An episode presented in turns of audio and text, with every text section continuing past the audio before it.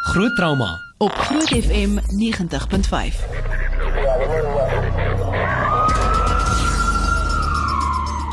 Baie welkom is Woensdag gaan dis net na 7 en is tyd vir groot trauma. Ek is Pieter Kloete en ook 'n eerste vanaand, uh, julle kyk gewoonlik so teen 11:00 die oggend elke oggend vir kom ons praat daaroor op Facebook Live. So as jy nou vinnig ons uh, webblad of ons Facebook bladsy besoek, ons is op uh, uh op ons Groot FM 90.5 Facebook bladsy. Ons is ook nou regstreeks so jy kan lekker saamgesels en 'n uh, bietjie saam kyk ook en bietjie kan sien hoe lyk mense, weet Jaco sit nou hier oorkant van my en dan net langsom sit uh Sander Sander Loupsher is weer terug by ons. Ehm um, goeienaand Pieter, goeienaand almal wat luister ook. Ehm um, ons het vir Sander gemis en ehm um, baie welkom weer hier by ons. Ons praat vanaand oor ehm um, die veiligheid van paramedisy, veral met met alles wat nou so in die nuus is van paramedisy wat wat aangerand word op tonele en daar buite. Ek dink is 'n baie aktuelle onderwerp tans. En ehm um, ek dink is 'n baie belangrike punt om oor te praat veral ehm um, vir die veiligheid van paramedisy daar buite. En dan bietjie later vanaand gaan ons ook bietjie praat oor baanbrekers ehm um, hartprosedure wat vir die eerste keer in Afrika gedoen is. Ehm um, wat eintlik baie opwindend is dink ek veral vir die vir die ouer generasie met die hartsiektes. Lekker prof op program weer net hier so langs my is uh, Esmeralda Burger as jy nou al reeds by ons saam met ons kyk op ons Facebook live en dan ons gas vanaand is uh, meneer Andrew Makink en hy is uh, een van die uh, departement van emergency medicine uh, care se lecturers wat sit nou weer in Afrikaans gelade 'n lektor lektore by die universiteit uh, van Wits of die universiteit van Johannesburg. Ehm um, so hy gaan ook 'n bietjie later of wel derentyd deur die program bietjie met ons gesels oor die veiligheid van paramedisy. Ons Facebook vraag gaan gaan loer gerus daarso op ons Facebook bladsy en kyk na ons live. Dink jy paramedisy moet ook begin wapens dra vir hulle veiligheid? Dink jy daarvan ja of nee? Ons hoor graag van jou of dink jy dit is eties as hulle dit gaan doen of nie? Ons uh, hoor graag van jou op ons Facebook bladsy. So eintlik kom ons begin sommer by die begin. Hoe lyk statistiek? Is daar 'n probleem as dit kom by die veiligheid van paramedisy? Ja, Pieter, ehm um, ek dink statistiek is moeilik om om te kry want as 'n mens net ehm um, dis 'n bietjie bietjie so klein bietjie nader skuif. As 'n mens werksplek geweld definieer, is dit eintlik 'n enige situasie waarin iemand betrokke raak ehm um, in bedreigende of uh, of aangerand is. En dit daar's drie verskillende goedes. Dis al die dit dit kan dalk fisies wees waar 'n mens eintlik aangerand is en baie van die tyd is dit wat ons beskou as aanranding of ehm um, geweld, maar in eintlik is daar ook verbale mishandeling waar mense hmm. gevloek word en sulke goed. Dit gebeur ook redelik gereeld en nie net dit nie maar bedreigende gedrag van die pasiënt of van die gemeenskap. So ek dink as 'n mens kyk na die definisie, baie van daai goed word nie gerapporteer nie. Maar as jy net na die na die die koerante kyk en die internet kyk, ons hoef nie ver terug te kyk nie. Vandag in die Parel was daar 'n gewapende rooftog teen twee paramedisy. Die 20ste Junie in KwaZulu-Natal is twee paramedici geskiet nadat hulle ehm um, beroof is. Maart maand in die, in die Kaap en as mense net bietjie verder terugkyk, laas jaar in 2018 net in die Kaap alleenlik 56 insidente teen paramedici. So daar's definitief 'n probleem. Die probleem is net miskien dat ons weet nie hoe groot is hierdie probleem nie. Ja. So ek ek's bly um, ons gaan vanaand hieroor praat. Ek dink dit is baie belangrik vir gemeenskap om om bietjie te verstaan waar ons gaan op daaglikse ja. basis. Ek het sommer so vlugtig net op een nuusbron uh, marulamedia.co.za bietjie gaan loer in die afgelope 2 jaar en Esmeralda, jy kan sommer net vir ons die hoof uh, die hooftrekke lees van elke en ek het maar net 'n paar geprint. Daar was nog heelwat ander. Ek wil net nie ons papier gemors het nie, maar ehm um, lees net vir ons die opskrifte. Ja, ek hier's hier's 'n hele paar ehm um, vyf vasna paramedisy in Kaapstad beroof is uh paramedikus met mes aangeval op 'n ongelukstoneel. Um Pretoria paramedikus start na rooftog, lyk like my se skiet. Paramedikus in ambulans oorval.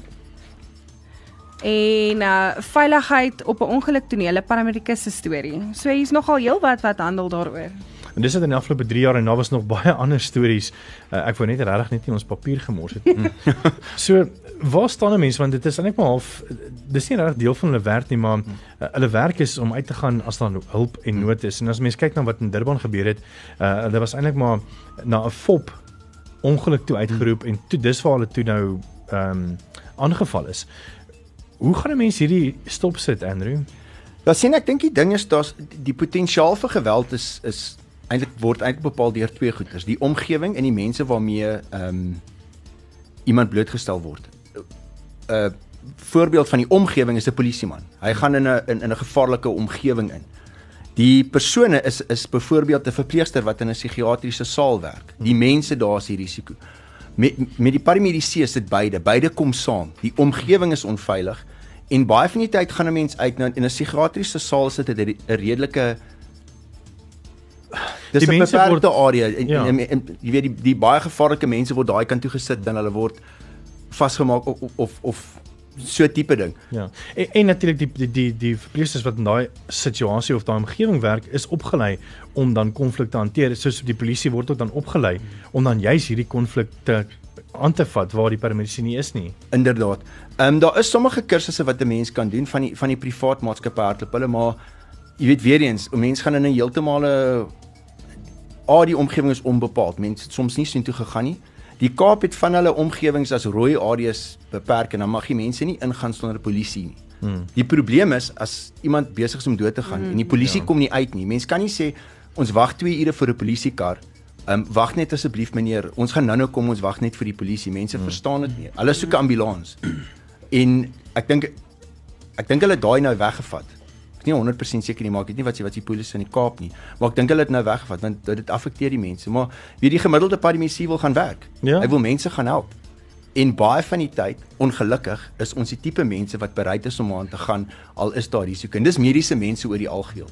Jy weet hmm. mens mens swat nie 'n mediese rigting omdat jy nie van me, vir mense omgee nie. Jy weet mense gee om vir mense en dis wat mediese mense doen. Verpleegsters, dokters, paramedisy, sosiale werkers, ek meen hulle gaan ook in baie lelike areas in. Ja. So ek dink dis dis dis een van die probleme. Sander voor ek ek ek, ek, ek gaan 'n bietjie later vir jou vra wat is jou opinie oor ons Facebook vraag. So as jy ons Facebook ehm um, regstreeks uh, livestream, ehm um, wat dink jy van of van ons vraag? Dink jy paramedisy moet ook begin wapens dra vir hulle veiligheid? Jy kan sommer daarso op ons uh, live video jou kommentaar los. Dink jy dis 'n goeie idee of nee, dink jy dit is uh, baie slegte idee? En sê ook dan vir ons hoekom jy dan so dink. In jou ervaring as 'n paramedikus oor die afgelope paar jare, was daar gevalle waar jy ook ehm um, besteel was, ehm um, uh, jou lewens in gevaar was? Pieter, goeienaand almal. Dankie dat almal wat luister. Dit is lekker om weer terug te wees. Uh, Pieter jou vraag te antwoord. Ehm um, gelukkig nooit in 'n gewelddadige manier nie. So in my jonger dae toe ek nog hare gehad het, vir die wat live kyk op Facebook, ehm um, in die in die in die Noordveld, ehm um, weet was ek al beroof van my selfoon. Ons was ook al ehm um, besteel van van ons hartmasjien, weet want dit is 'n duur toestel. Ehm um, maar gelukkig nooit in 'n gewelddadige manier nie. Jy weet dit is 'n kwessie van kom help, kom help gaan hierdie pasiënt en dan word jy gepickpocket as die is die woord wat ja. gebruik. So en toe is my foon so gesteel in in in Atteridgeville in die weste van Pretoria. Ehm um, daai tyd en uh, die ander keer was ons op 'n motorvoertuig botsing waar 'n voertuig afgekeer het van die pad af daar op die Mabopane snelweg mm. en uh soos jy mos nou afgaan na die na die pasiënt toe ehm um, het weet om die pasiënt nou weer op te bring met spinale toerusting en so meer uh toe ons terugkom met die ambulans toe is die ehm um, hartmasjien uit die ambulans uit gesteel. My vraag net is en ek ek, ek vra dit vir enigiemand van julle twee is ek sou gewonder het wat is die motief agter hierdie aanvalle op op paramedisy? Hmm. Is dit 'n geldelike motief? Ehm um, want mens ek meen weet nie of julle met duisende rande rondry bo en behalwe die die in kontant nie. Anders gaan ek julle ook dalk maar aftrek. Ehm um, en of is dit is dit die toerusting want ons weet almal mediese toerusting is duur en jy het nou eintlik daai vraag deels geantwoord. Maar wat maak hulle met byvoorbeeld 'n defibrillator of hartmasjien of wat ook al jy wil noem? Is daar 'n mark vir daai goed vir daai mense want ergens moet hulle tog ontslaa raak daarvan. Anders is wat is die nut? Ehm um, en dan wonder mense hoeveel daarvan is nie net dood eenvoudig omdat dit vir hulle lekker is om mense aan te rand nie. Ja, mense kan verseker nie help om te wonder nie en ons het drie ons het drie spesifieke ehm um, topik 'n paar jaar terug het ek dit in die in die media ingebring en weet daar was baie voorstelle van die van die van die publiek se kant af. Weet ehm um, hoekom kry jy nie sekuriteitsou om die ambulans te bestuur nie? En ongelukkig daar's daar is regulasies in plek van die van die mediese raad af jy, jy kan nie net enige ou op ambulans sit nie verstaan? Ehm um, daar was ook v- vraag maar weet met die hartmasjien hoekom sluit jy nie ambulans nie? Jy weet vir die ou om ambulans te sluit moet jy jy die ambulans afsluit en jy moet dan die sleutel by jou dra, dit het al klaar implikasie van tyd wat ge gemors word en uh, jou ligte of jou sirenestelsel en alles word gebruik ook vir toneelbeveiliging. Ja. En dit hardloop ook op krag. So as jy die voertuig afsluit, dan kom jy weer by die voertuig en dit het al gebeur. Mense wat die voertuig afsluit want dit is nou in jou onderbewussyn en dan kom jy by die ambulans en dan hit dit dit dit hit dan die dan die ligte die krag getrek en dan sit jy met 'n pasiënt wat vervoer moet word en nou nou is die battery dood van die ambulans. So daar's baie implikasies. Dit is maklik om van die kantlyn af te sê hmm. doen dit, maar dis 'n dis 'n ander storie as jy self betrokke is. En ek moet sê en ons kan seker 'n bietjie verder in die in die segmente daaroor praat. Um die aksies wat nou al in plek is um van van van van, van nooddienste af um moet ek sê um is daar's goeie goeie dinge aan die gang, um, maar daar's definitief nog meer te doen vir vir ons in die paramediese veld. Ons is net nie nou terug en dan gaan ek vir Andrew 'n bietjie vra ook oor sy opinie oor wat is die motief van hierdie uh van hierdie gewelddadige aksie van van mense wat nou die paramedici besteel. So bly geskakel en gaan na ons Facebookblad toe, ons livestream. Uh, as jy 'n bietjie kyk hoe lyk ons gesigte en ons wil ook dan 'n bietjie by jou weet, uh, dink jy paramedici moet ook begin wapens dra vir hulle veiligheid? So dit is ons dit is ons Facebook vraag. Ons is net hier na weer terug.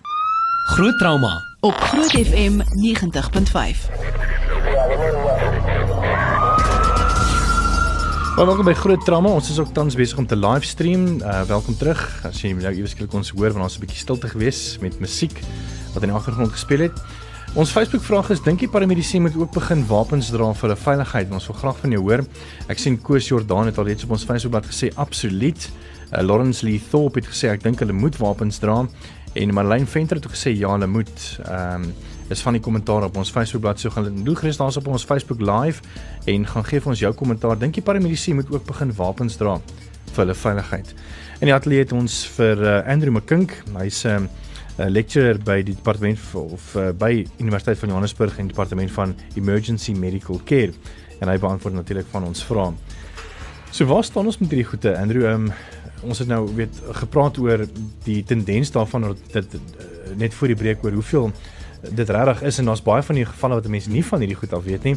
Maar sê die wet nie tog dat jy is daar om lewens uh, te red en dan as as jy kom kom vat 'n voorbeeld Ehm um, as hulle nou moet ingaan en jy voel jou lewe is, is in gevaar, maar die gemeenskap en die persoon gaan dood en die gemeenskap dagvaar jou, hoe bewys jy in 'n hof dat jy dat jou lewe in gevaar was?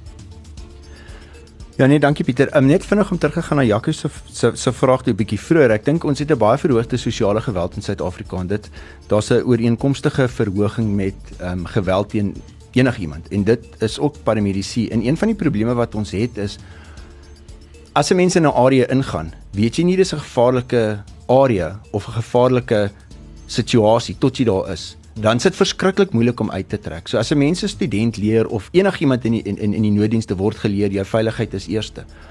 Maar dit is redelik maklik as 'n mens op 'n toneel kom en daar's 'n paar karre wat rond lê en is op die snelweg. Hmm. Dan pak ons karre en ligte om seker te maak ons is veilig. As maar as 'n mens in 'n in 'n situasie kom waar klim uit die ambulans uit, begin die pasiënt behandel en iemand kom na jou toe en sê hoor hierso, hier gaan 'n moeilikheid wees. Mens kan nie ewe skielik net so ons gaan oppak en waai want daai ou gaan dalk vir sê hoor hierso as jy goed is nou begin oppak. Dan gaan ons jou ook soos hierdie ou laat begin lyk. Hmm. Dit raak baie moeilik want 'n mens sit klaar in daai situasie. En die probleem is hoe kom 'n mens veilig daar uit? Is dit beter om na te bly? Is dit beter om te probeer uit? En die probleem is daai is dit elke situasie is anders. Mm.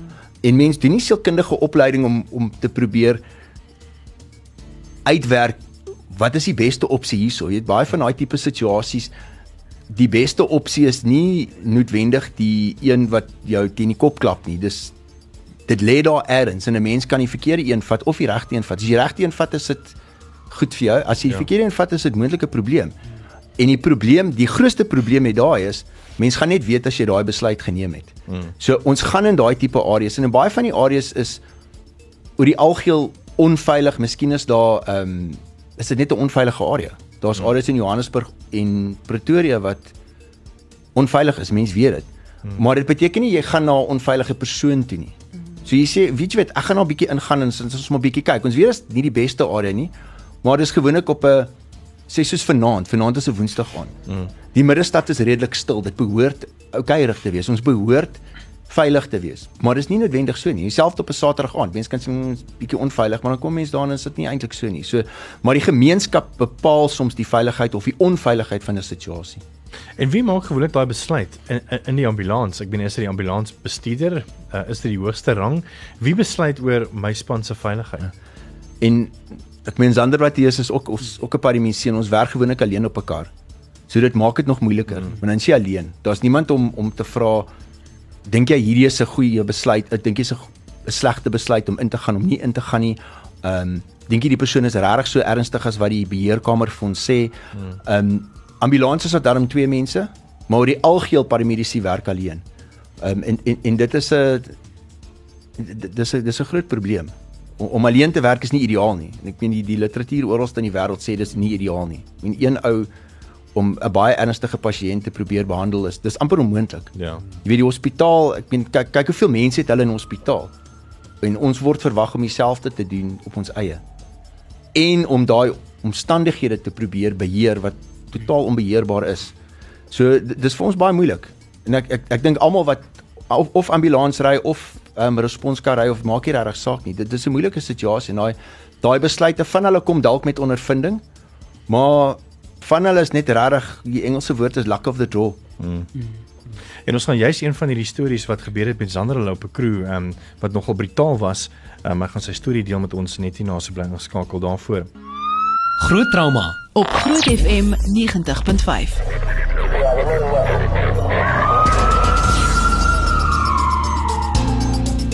Maar welkom terug. Uh, dis groot trauma. Ons is ook tans besig om te livestream uh, via ons uh, Facebook bladsy en ons het ook vir jou gevra daarso dink jy paramedici moet ook begin wapens dra vir hulle veiligheid uh, voor ons na ander toe gaan om te hoor oor van die goed wat met hom gebeur het wat hy al gesien het en met mob justice. Uh so 'n paar van die goedjies hierso ehm um, Uh, Chrisel Route mag sê ek sal sê ja al is dit net iets soos 'n tipe van 'n pepperspray of 'n knipmes. Ehm um, hulle lewens is elke dag 'n gevaar nie. Ek stem 100% met jou saam Chrisel. Uh, miskien ook dan nie oor die wapens nie, maar definitief ek dink hulle lewens is natuurlik elke dag in gevaar. Ehm um, sy sê ook dat dit skerry om te sien iemand met 'n wapen dra vir jou eie veiligheid, maar dit is realiteit. Uh, Janet van der Merwe Viljoen sê absoluut ja. Uh, Susan de Guziti, ek hoop ek sê uh, jou van reg. Uh, Guisti sê ek glo so niemand word ons sien nie. Uh en dan sê Jaco Verster ook onthou net een ding, dis goed as paramedici ook vuurwapens dra, maar dit maak hulle ook 'n goeie teiken as hulle vuurwapens by hulle het. So ons gaan 'n bietjie later gesels oor wat is die opinie met ons kenners oor moet 'n paramedikus 'n wapen dra of nie. Maar ons praat ons 'n bietjie oor die feite oor ehm um, paramedici wat wat in in in hierdie omstandighede werk. Sander jy het vroeër gesê iets het gebeur. Ek moet net ook sê een, een van ons gaste is uh, Andrew McKink, meneer Andrew McKink. Ehm um, hy is ook die president van die Emergency Care Society van paramedikuste en ek dink hulle het omtrent so 7000 lede uh wat deel is van die organisasie as ek dit nie mis het nie. Ons het nie so baie lede nie. Ehm um, baie van die lede baie van die mense is lede van die HPCSA, maar dis 'n wetlike verpligting. Ja. Ehm um, ons is is nie eintlik so nie. Ons vra redelike klein uh, bedragie elke jaar. Ehm um, en is ons is nie nuut nie, maar ons is ook nie regtig baie oud nie. So ons is nog besig om te groei. So ek het nie die syfers by my presies hoeveel mense ons het nie, maar dis definitief nie 7000 nie. Dis dalk meer as 500 na 1000 toe. So ja, daar oké. in daai omgewing min of meer. Dis nog steeds baie, weet dit, dit gee daai enkeling half 'n bietjie van 'n groter stem as mense so kan sê. Ja, inderdaad Pieter, ek dink 'n mens moet net versigtig soms wees om om om nommers by weet stem ja. te sit want baie daar's baie organisasies wat baie mense het wat nie baie sterk stem het nie. Die, die ongelukkige ding van ons is ons is 'n baie klein populasie van mense, jy weet, paramedici, daar's nie baie van ons nie. Ehm um, so maar 7000 mense sal lekker wees. As ons na vanaand 7000 mense sal baie happy wees. So paramedici gaan gaan skryf ja. Emergency Care Society. Sander, jy het vroeër gepraat van 'n mob justice en ook 'n situasie waar jy in was wat nogal baie gruisam was. Ja. Pieter um, wat Andrew nou nog sê, dit is baie waar. Jy kan nie uh terugkeer uit 'n situasie uit as jy eers in hom is nie. Dis nie Hmm. altyd so maklik nie. En jy het, jy het geen waarborg na na waartoe jy gaan nie. Dit is dit is omtrent soos 'n lucky packet. Jy weet jy Hmm. kom daar, jy word uitgeroep na hierdie insident, toe kom jy daar dan is dit iets totaal en al anders. En ehm um, dit dit dit dit is bewys, dis so 2, 3 weke terug, 3 naweke terug het ons nagskof gewerk nou Andrew het ook genoem van die paramedici is is gewoonlik alleen op die op 'n op 'n reddingsvoertuig. Ja. Ehm um, en Pieter jy ken my nou persoonlik ek uh, nooi altyd mense saam. Of dit nou 'n joernalis is om om die om die nare waarheid te kom sien jy weet um, of of dit nou maar iemand is van die gemeenskap en so aan wat wat wil weet oor die veld jy weet wil bietjie saamry geleentheid en so aan. Ek bevat altyd maar iemand saam met my um, wat ook natuurlik sy im, eie implikasies het mm. want daar is ook, ook ons mos nou risiko daaraan verbonde nie net die veiligheid nie maar weet ook oor soos weet motorbotsings en daai goedjies en die traumatisering daarvan en so aan. So dit is 'n ingewikkelde proses. So mense moet maar baie mooi dink voordat jy sommer net saam met saam met die paramedici uitgaan. Maar om terug te kom na hierdie insident en ek's baie dankbaar ek sê alleen nie want ons was ons was 3 op die voertuig en selfs dit het my bietjie bang gemaak en dit is toe ons uit ons was uitgeroep na ehm um, van der Rowweg uh in Pretoria ehm um, dit is aan die weste van Pretoria ehm um, vir 'n voetgangersongeluk. En toe ons by die toneel aankom, toe sien ons 'n voertuig in die pad met hulle hazards aan en ons sien klomp mense wat wat ons do, ons ek het ek het aanvanklik gedink dit is nou mense wat weer toneel oorrompel en so meer. Toe ons daar kom en toe is daar 'n man in die middel klomp wonde op sy kop en ehm um, wat wat aktief aan die bloei was en ehm um, die mense was die groep mense was was nou mob justice was besig om hom te slaan. En uh toe ek uh, vir hulle vra wat hier aangaan toe sê een van die persone spesifiek vir my stay away sy woorde was stay away if you get involved we're going to damage you and your vehicle en toe het ons dadelik vir SAPS ehm um, by Hercules geaktiveer en ehm um, hulle het hom letterlik aangerand omdat hy blykbaar was goed van 'n draad af gesteel het by 'n studente by 'n studente kompleks. Hmm. En dis nou toe die hele groep studente van die van die van die inwoners wat wat hom toe na aanval. Toe het hulle begin om sy vingers af te sny uh, met 'n mes op 'n op die teerpad. Um hy het sy twee pinkies verloor. Sure. En ons het letterlik eenkant gestaan en kon niks doen nie um bloot vir die blote feit dat dit is sy eie veiligheid. Um sy sy broer of hy beweer hy sy sy broer het kom smeek en sê asseblief help stop hulle. Toe sê ek vir hom en uit vorige ervaring uit hierdie is my tweede mob justice vir die jaar. Uh die eerste keer hierdie jaar was my voertuig, ek weet nie of jy kan onthou nie Pieter, was my voertuig gegooi met klippe in my reddingsvoertuig. So toe moes ons 'n klomp duike en goedjies uithaal, gelukkig nie ruitte stukkend gegooi nie, maar ek moes letterlik wegjaag van van die van die toneel want hulle het begin storm en klippe gooi na die voertuig toe en dit is alles daarom dat jy daar is as 'n hulpspersoon, maar hulle weier doeteenvoudig om jou te toe te laat om te kan help. So ons het toe gewag, SAPS het het opgedaag. Toe SAPS opgedaag het, was die pasiënt se wonde al reeds behandel want hulle toe op 'n stadium van sê, "Now you can go and treat him."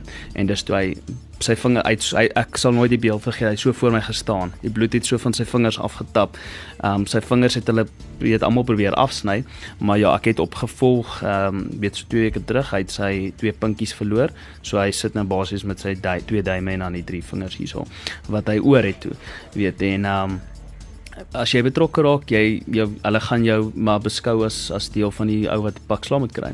So ek sal nie sê man ons kan daar daarby kom wanneer by die wapens kom maar dis nou nie 'n ideale situasie waar 'n wapen enigstens 'n verskil sou gemaak het. Ek dink intedeel dit kon dinge baie vererger het. Ehm um, so maar om die om om om te reflekteer, daar's definitief 'n gewelddadige ehm um, beroep hierdie. Ehm um, en ek dink nie almal wat uh, aansluit vir, vir weet vir die vir die beroep nie en en, en Andre het dan nog genoem almal wat wat wil die beroep doen, uh, wil mense help. En ek dink ook daai daai passie om te help uh, overshadow dalk die eintlike risiko's en die gevare en die die afstand van familie en die die potensiaal dat jy na 'n skof toe kan gaan en nooit by die huis kan opdaag nie. Mm. Weet daar's soveel dinge wat met jou kan verkeerd gaan en die bo ook, ehm um, die goeders wat jy sien. Ek meen hier ek nou ek gaan dit nooit vergeet nie. Daai ou met die vingers wat hier so hang aan vlerders, weet.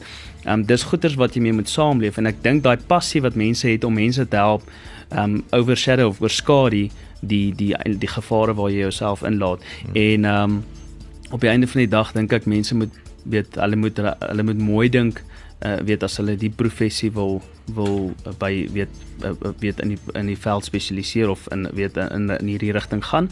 En met dit sê ek ook dan natuurlik met alle respek ehm um, dat ehm um, weet jy kan nie net jy kan nie net vandag werk toe gaan en beskou jy gaan 'n normale dag by die werk hê nie. Daar moet ehm um, en ek verwag weet van van bestuur se kant af en danksy organisasies soos soos Exa ehm um, wat ehm um, basies weet hierdie goedjies aanspreek. Want ons moet kyk wat gaan ons doen om hierdie nie te voorkom nie want jy gaan dit nie kan voorkom nie. Ons het hy klaar duidelik gemaak ons lewe in 'n gewelddadige society oorlogs waar ons gaan in samelewing, maar daar moet ietsie wees om in gereedheid te kan staan vir sulke gevalle en dit is maar een van die gevalle. Daar's ander scenario's ook wat julle nou net die koerant uitgehaal het van mense wat aangeval word fisies vir besittings. en geskied is. Ons Facebook vraag is dink jy paramedici moet ook begin wapens dra vir hulle veiligheid?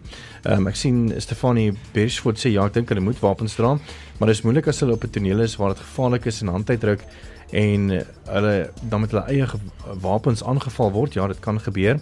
Ehm um, Jaco Verster sê meeste ambulansdienste se reëls is jy mag nie 'n vuurwapen in jou besit hê nie as jy aan diens is nie. Is dit so? Dit is so in 'n groot maatskappy veral ja. En uh, Marlies uh, Stamfer sê absoluut in die Hansvors land van ons. Ai Marlies. uh en Nadia Smit Wiltering sê net hallo Zander.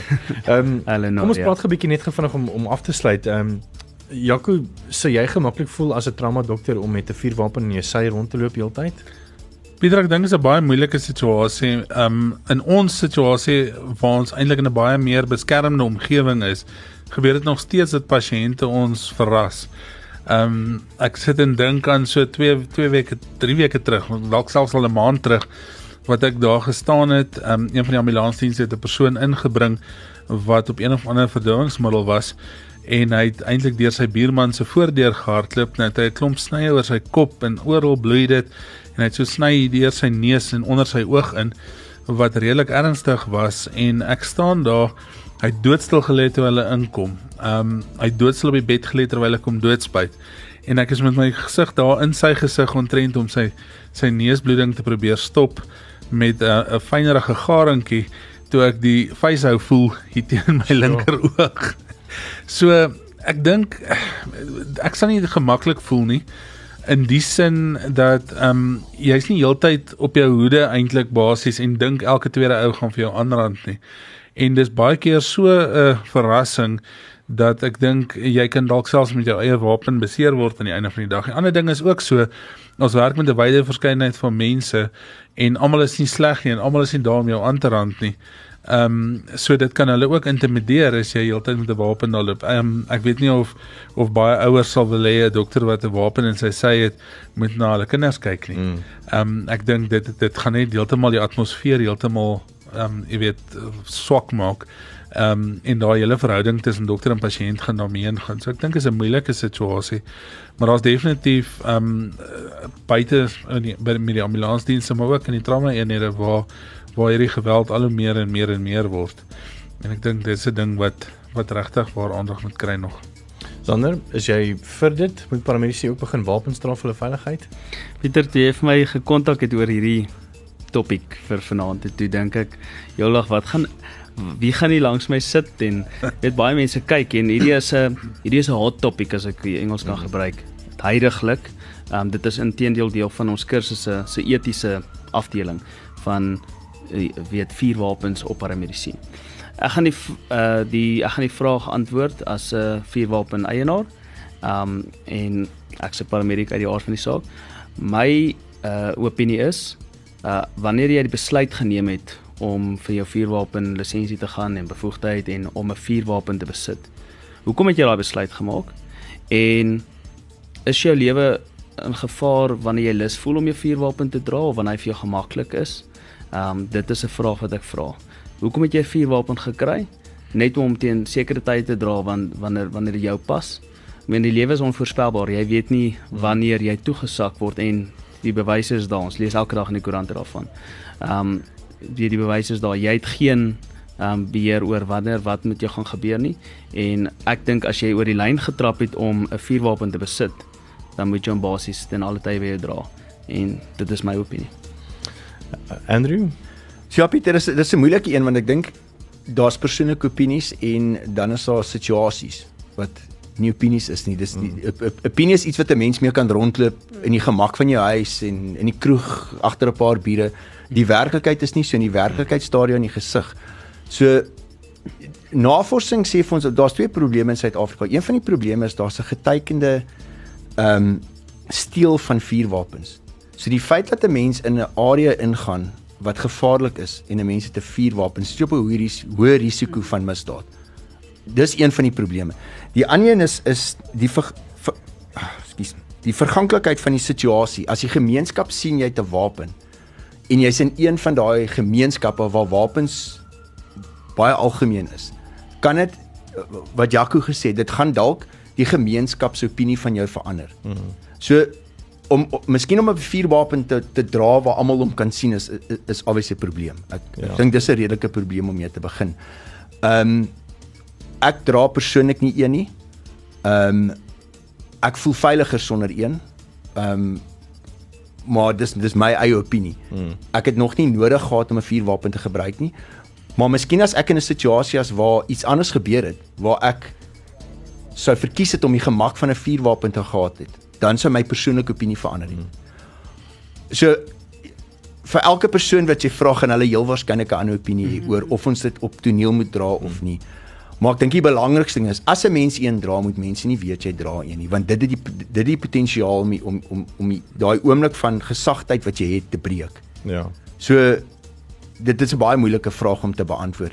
Um 'n paar jaar terug het die um HPCS hy ding uitgebring om te sê mense moet eerder nie dra nie, mm. maar daar's nie net sover ek weet, is daar nie wetgewing wat sê jy mag nie.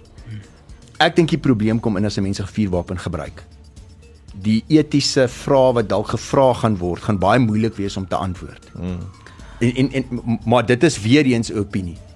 So dis nie die werklikheid waar die ou in jou gesig staan waar miskien jou enigste uitweg 'n vuurwapen is. Ja. So jy weet my standpunt is nie noodwendig almal se standpunt nie en almal se standpunt is nie almal se standpunt nie so. Ja Pieter, dit raak presies wat uh, Jaco Verster gesê het oor oor jy kan 'n teken word. Dit dit daar's bydraende faktore van hoe gaan die pasiënt daaroor voel as hy weet of sy weet um, jy dra vuurwapen hulle is absoluut teen dit. So daar is definitief implikasies. Net om terug te kom na die Ehm um, daar gaan baie etiese vrae gevra word wanneer jy 'n vuurwapen gebruik het.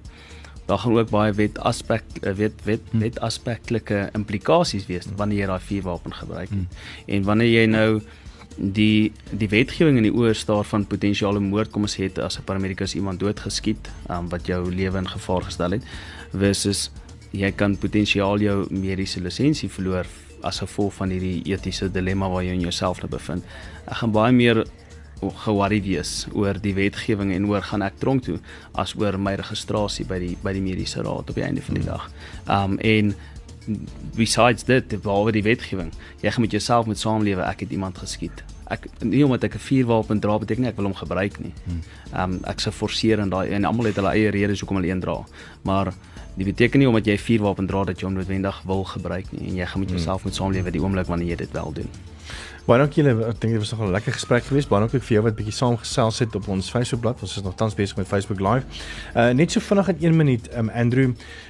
Daar is ook 'n tendens wat nou tans gebeur waar uh, sekuriteitsmaatskappye ook half 'n um, mediese uh departement of 'n mediese lyn ook so dit is eintlik maar 'n sekuriteitsmaatskappy met mediese veld wat dan saam uitgaan. Is dit miskien ook die antwoord? Weet jy Pieter, ek dit gaan terug na die die die gesprek bietjie vroeër oor bronne. So as die polisie beskikbaar is, dan kan 'n mens amper enige plek gaan. Maar daar was daar was 'n insident um, in Desember 2016. Dit klink was hoeke weer in die Kaap. Die Kaap is eintlik die die die waar die meeste van hierdie goed gebeur is in die Kaap. Ja. Maar die ouens het uitgegaan. Hulle het was besig om die pasiënt te behandel en die polisie het gery.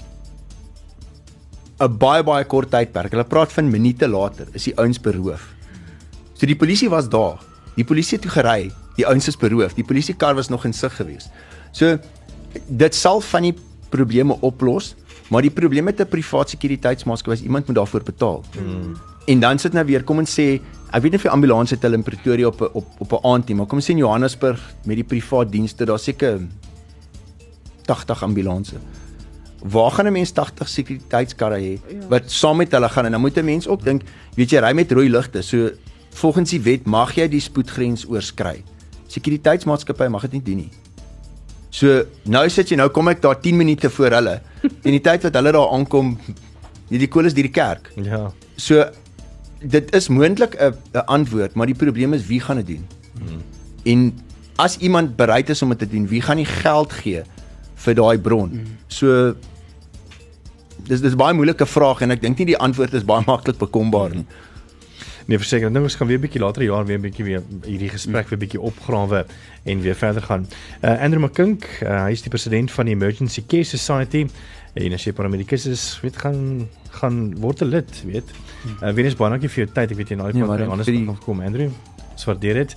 So bly skakel net na gaan Jaco 'n bietjie vir ons vertel oor 'n nuwe baanbreker hartoperasie uh wat die afgelope week uh, plaasgevind het in die ooste van uh, Johannesburg. So bly nog skakel daarvoor. Groot trauma op Groot FM 90.5.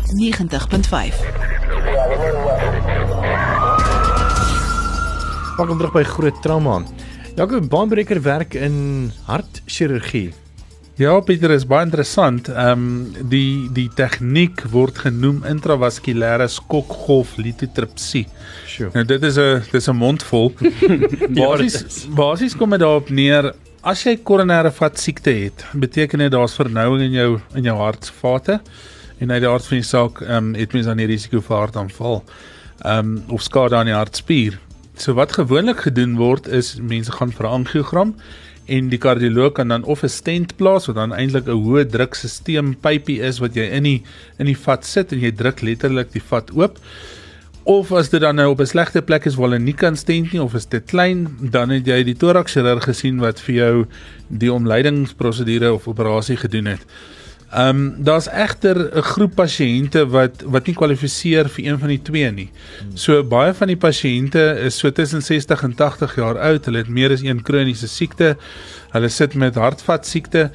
Hulle kan nie gestent word nie want dit is of 'n moeilike plek of dit is so kritieke vernouing, daai klein daai klein stent gaan nie werk nie of as jy dan daai hoë druk stent insit, kan jy die risiko hê om die bloedvat te skeer wat dan tot uit die aard van die saak katastrofe gevolge ehm um, vir jou gaan gee. Die pasiënt is baie keer op die tafel dan net daar oorlede. Die ander ding is ook so, jy kan nie 'n ou van 80 ehm um, jarige ouderdom met 'n klomp ander komorbiede siektes soos diabetes en al hierdie ander goed ehm um, gaan opereer vir 4 tot 6 ure nie. Ehm um, want die risiko is net te groot. So wat hierdie ehm um, skokgolf litotripsie beteken is hulle gaan in met 'n ballonnetjie met reseptore op wat kalsiumneerleggings kan kan optel. En dan gaan dit met ultraklank uit hierdie reseptore word ultraklank vrygestel. Ultraklank klank breek daai harde kalsium neerslaa in die koronêre vat en die vat word weer dan nou weer meer ek wil eintlik sê buigbaar of elasties en mens kan daarna die stent plaas wat dan nooit moontlik was nie. So jou risiko raak eintlik net baie minder as om net 'n gewone stent te plaas. Ek dink nie dis vir almal nie. Ek dink nog steeds daar's goeie plek vir stent, daar's goeie plek vir omleidings. Hierdie is letterlik dink ek meer vir die mense wat wat in daai tussenin groep is, daai 60 tot 80 jariges met 'n klomp ander siektes of wat baie slegte koronêre vat siekte het. As jy gaan kyk die die persoon wat dan nou die eerste in Afrika is wat in die ooste van Johannesburg gedoen is, as ek reg onthou is hy 79 jaar oud. Die ehm um, hele prosedure met die litotripsie saam met die saam met die ehm um, stentplasing was maar 90 minute lank en hulle kan dadelik 'n verskil voel. So ek dink dis 'n uitstekende ding wat vir 'n spesifieke pasiëntpopulasie in die toekoms daar gaan wees. Dis nie egter 'n nuwe ding nie. Dis net vir ons nuut in Afrika en dit is uit die aard van die saak eerste in Suid-Afrika. Daar is al meer as 3000 van hierdie prosedures wêreldwyd gedoen en ehm um, die meeste is in Europa maar gedoen en Nieu-Seeland, glo dit of jy nou wil of nie. Ehm um, die ander ding, die laaste ding wat ek wil sê is en en, en net om die hele skokgolf ehm um, te probeer verduidelik is hulle gebruik ultraklank en klank is 'n golf. So die oomblik wat jy daai ultraklank gebruik en jy jy jy fokus hom op daai kalsium neerleggingsplake, dan gaan hy dit mooi vir jou opbreek. So hierdie word nou gedoen terwyl jy onder narkose is of word dit gedoen soos met 'n angiogram? Jy Soos met 'n angiogram, jy is wakker. Sjoe. So is eintlik maar amper soos 'n speaker wat nou bas kry wat so vibreer. Ja, Maak ook so vi- vibrasie in die sel om dan die die kalk neerslag te laat dis kry. hy. Dis baie interessant. Ek dink ons gaan nog baie van hierdie hoor. Baie dankie weer aan ons gaste, Dr. Jaco van Niekerk soos gewoonlik. Is ander lekker om jou weer 'n bietjie terug te hê um, en jou uh, uh ervaring met ons te deel. En ook baie dankie vir Andrew McKink, die president van die Emergency Care Society vir jou tyd om al die pad van Johannesburg af te kom met ons te te kom gesels en Esmeralda Burger wat ook vanaand 'n bietjie haar bydrae gegee het. So weer eens baie dankie. Hierdie potgooi sal beskikbaar wees tot aan die einde van die week op ons uh, webblad grootfm.co.za en uh, natuurlik is jy ook welkom om weer na hierdie na ons te kyk en te luister via livestream wat nogal baie lekker was. Vanaand so baie dankie dat jy saamgesels het. Ons is volgende week weer terug.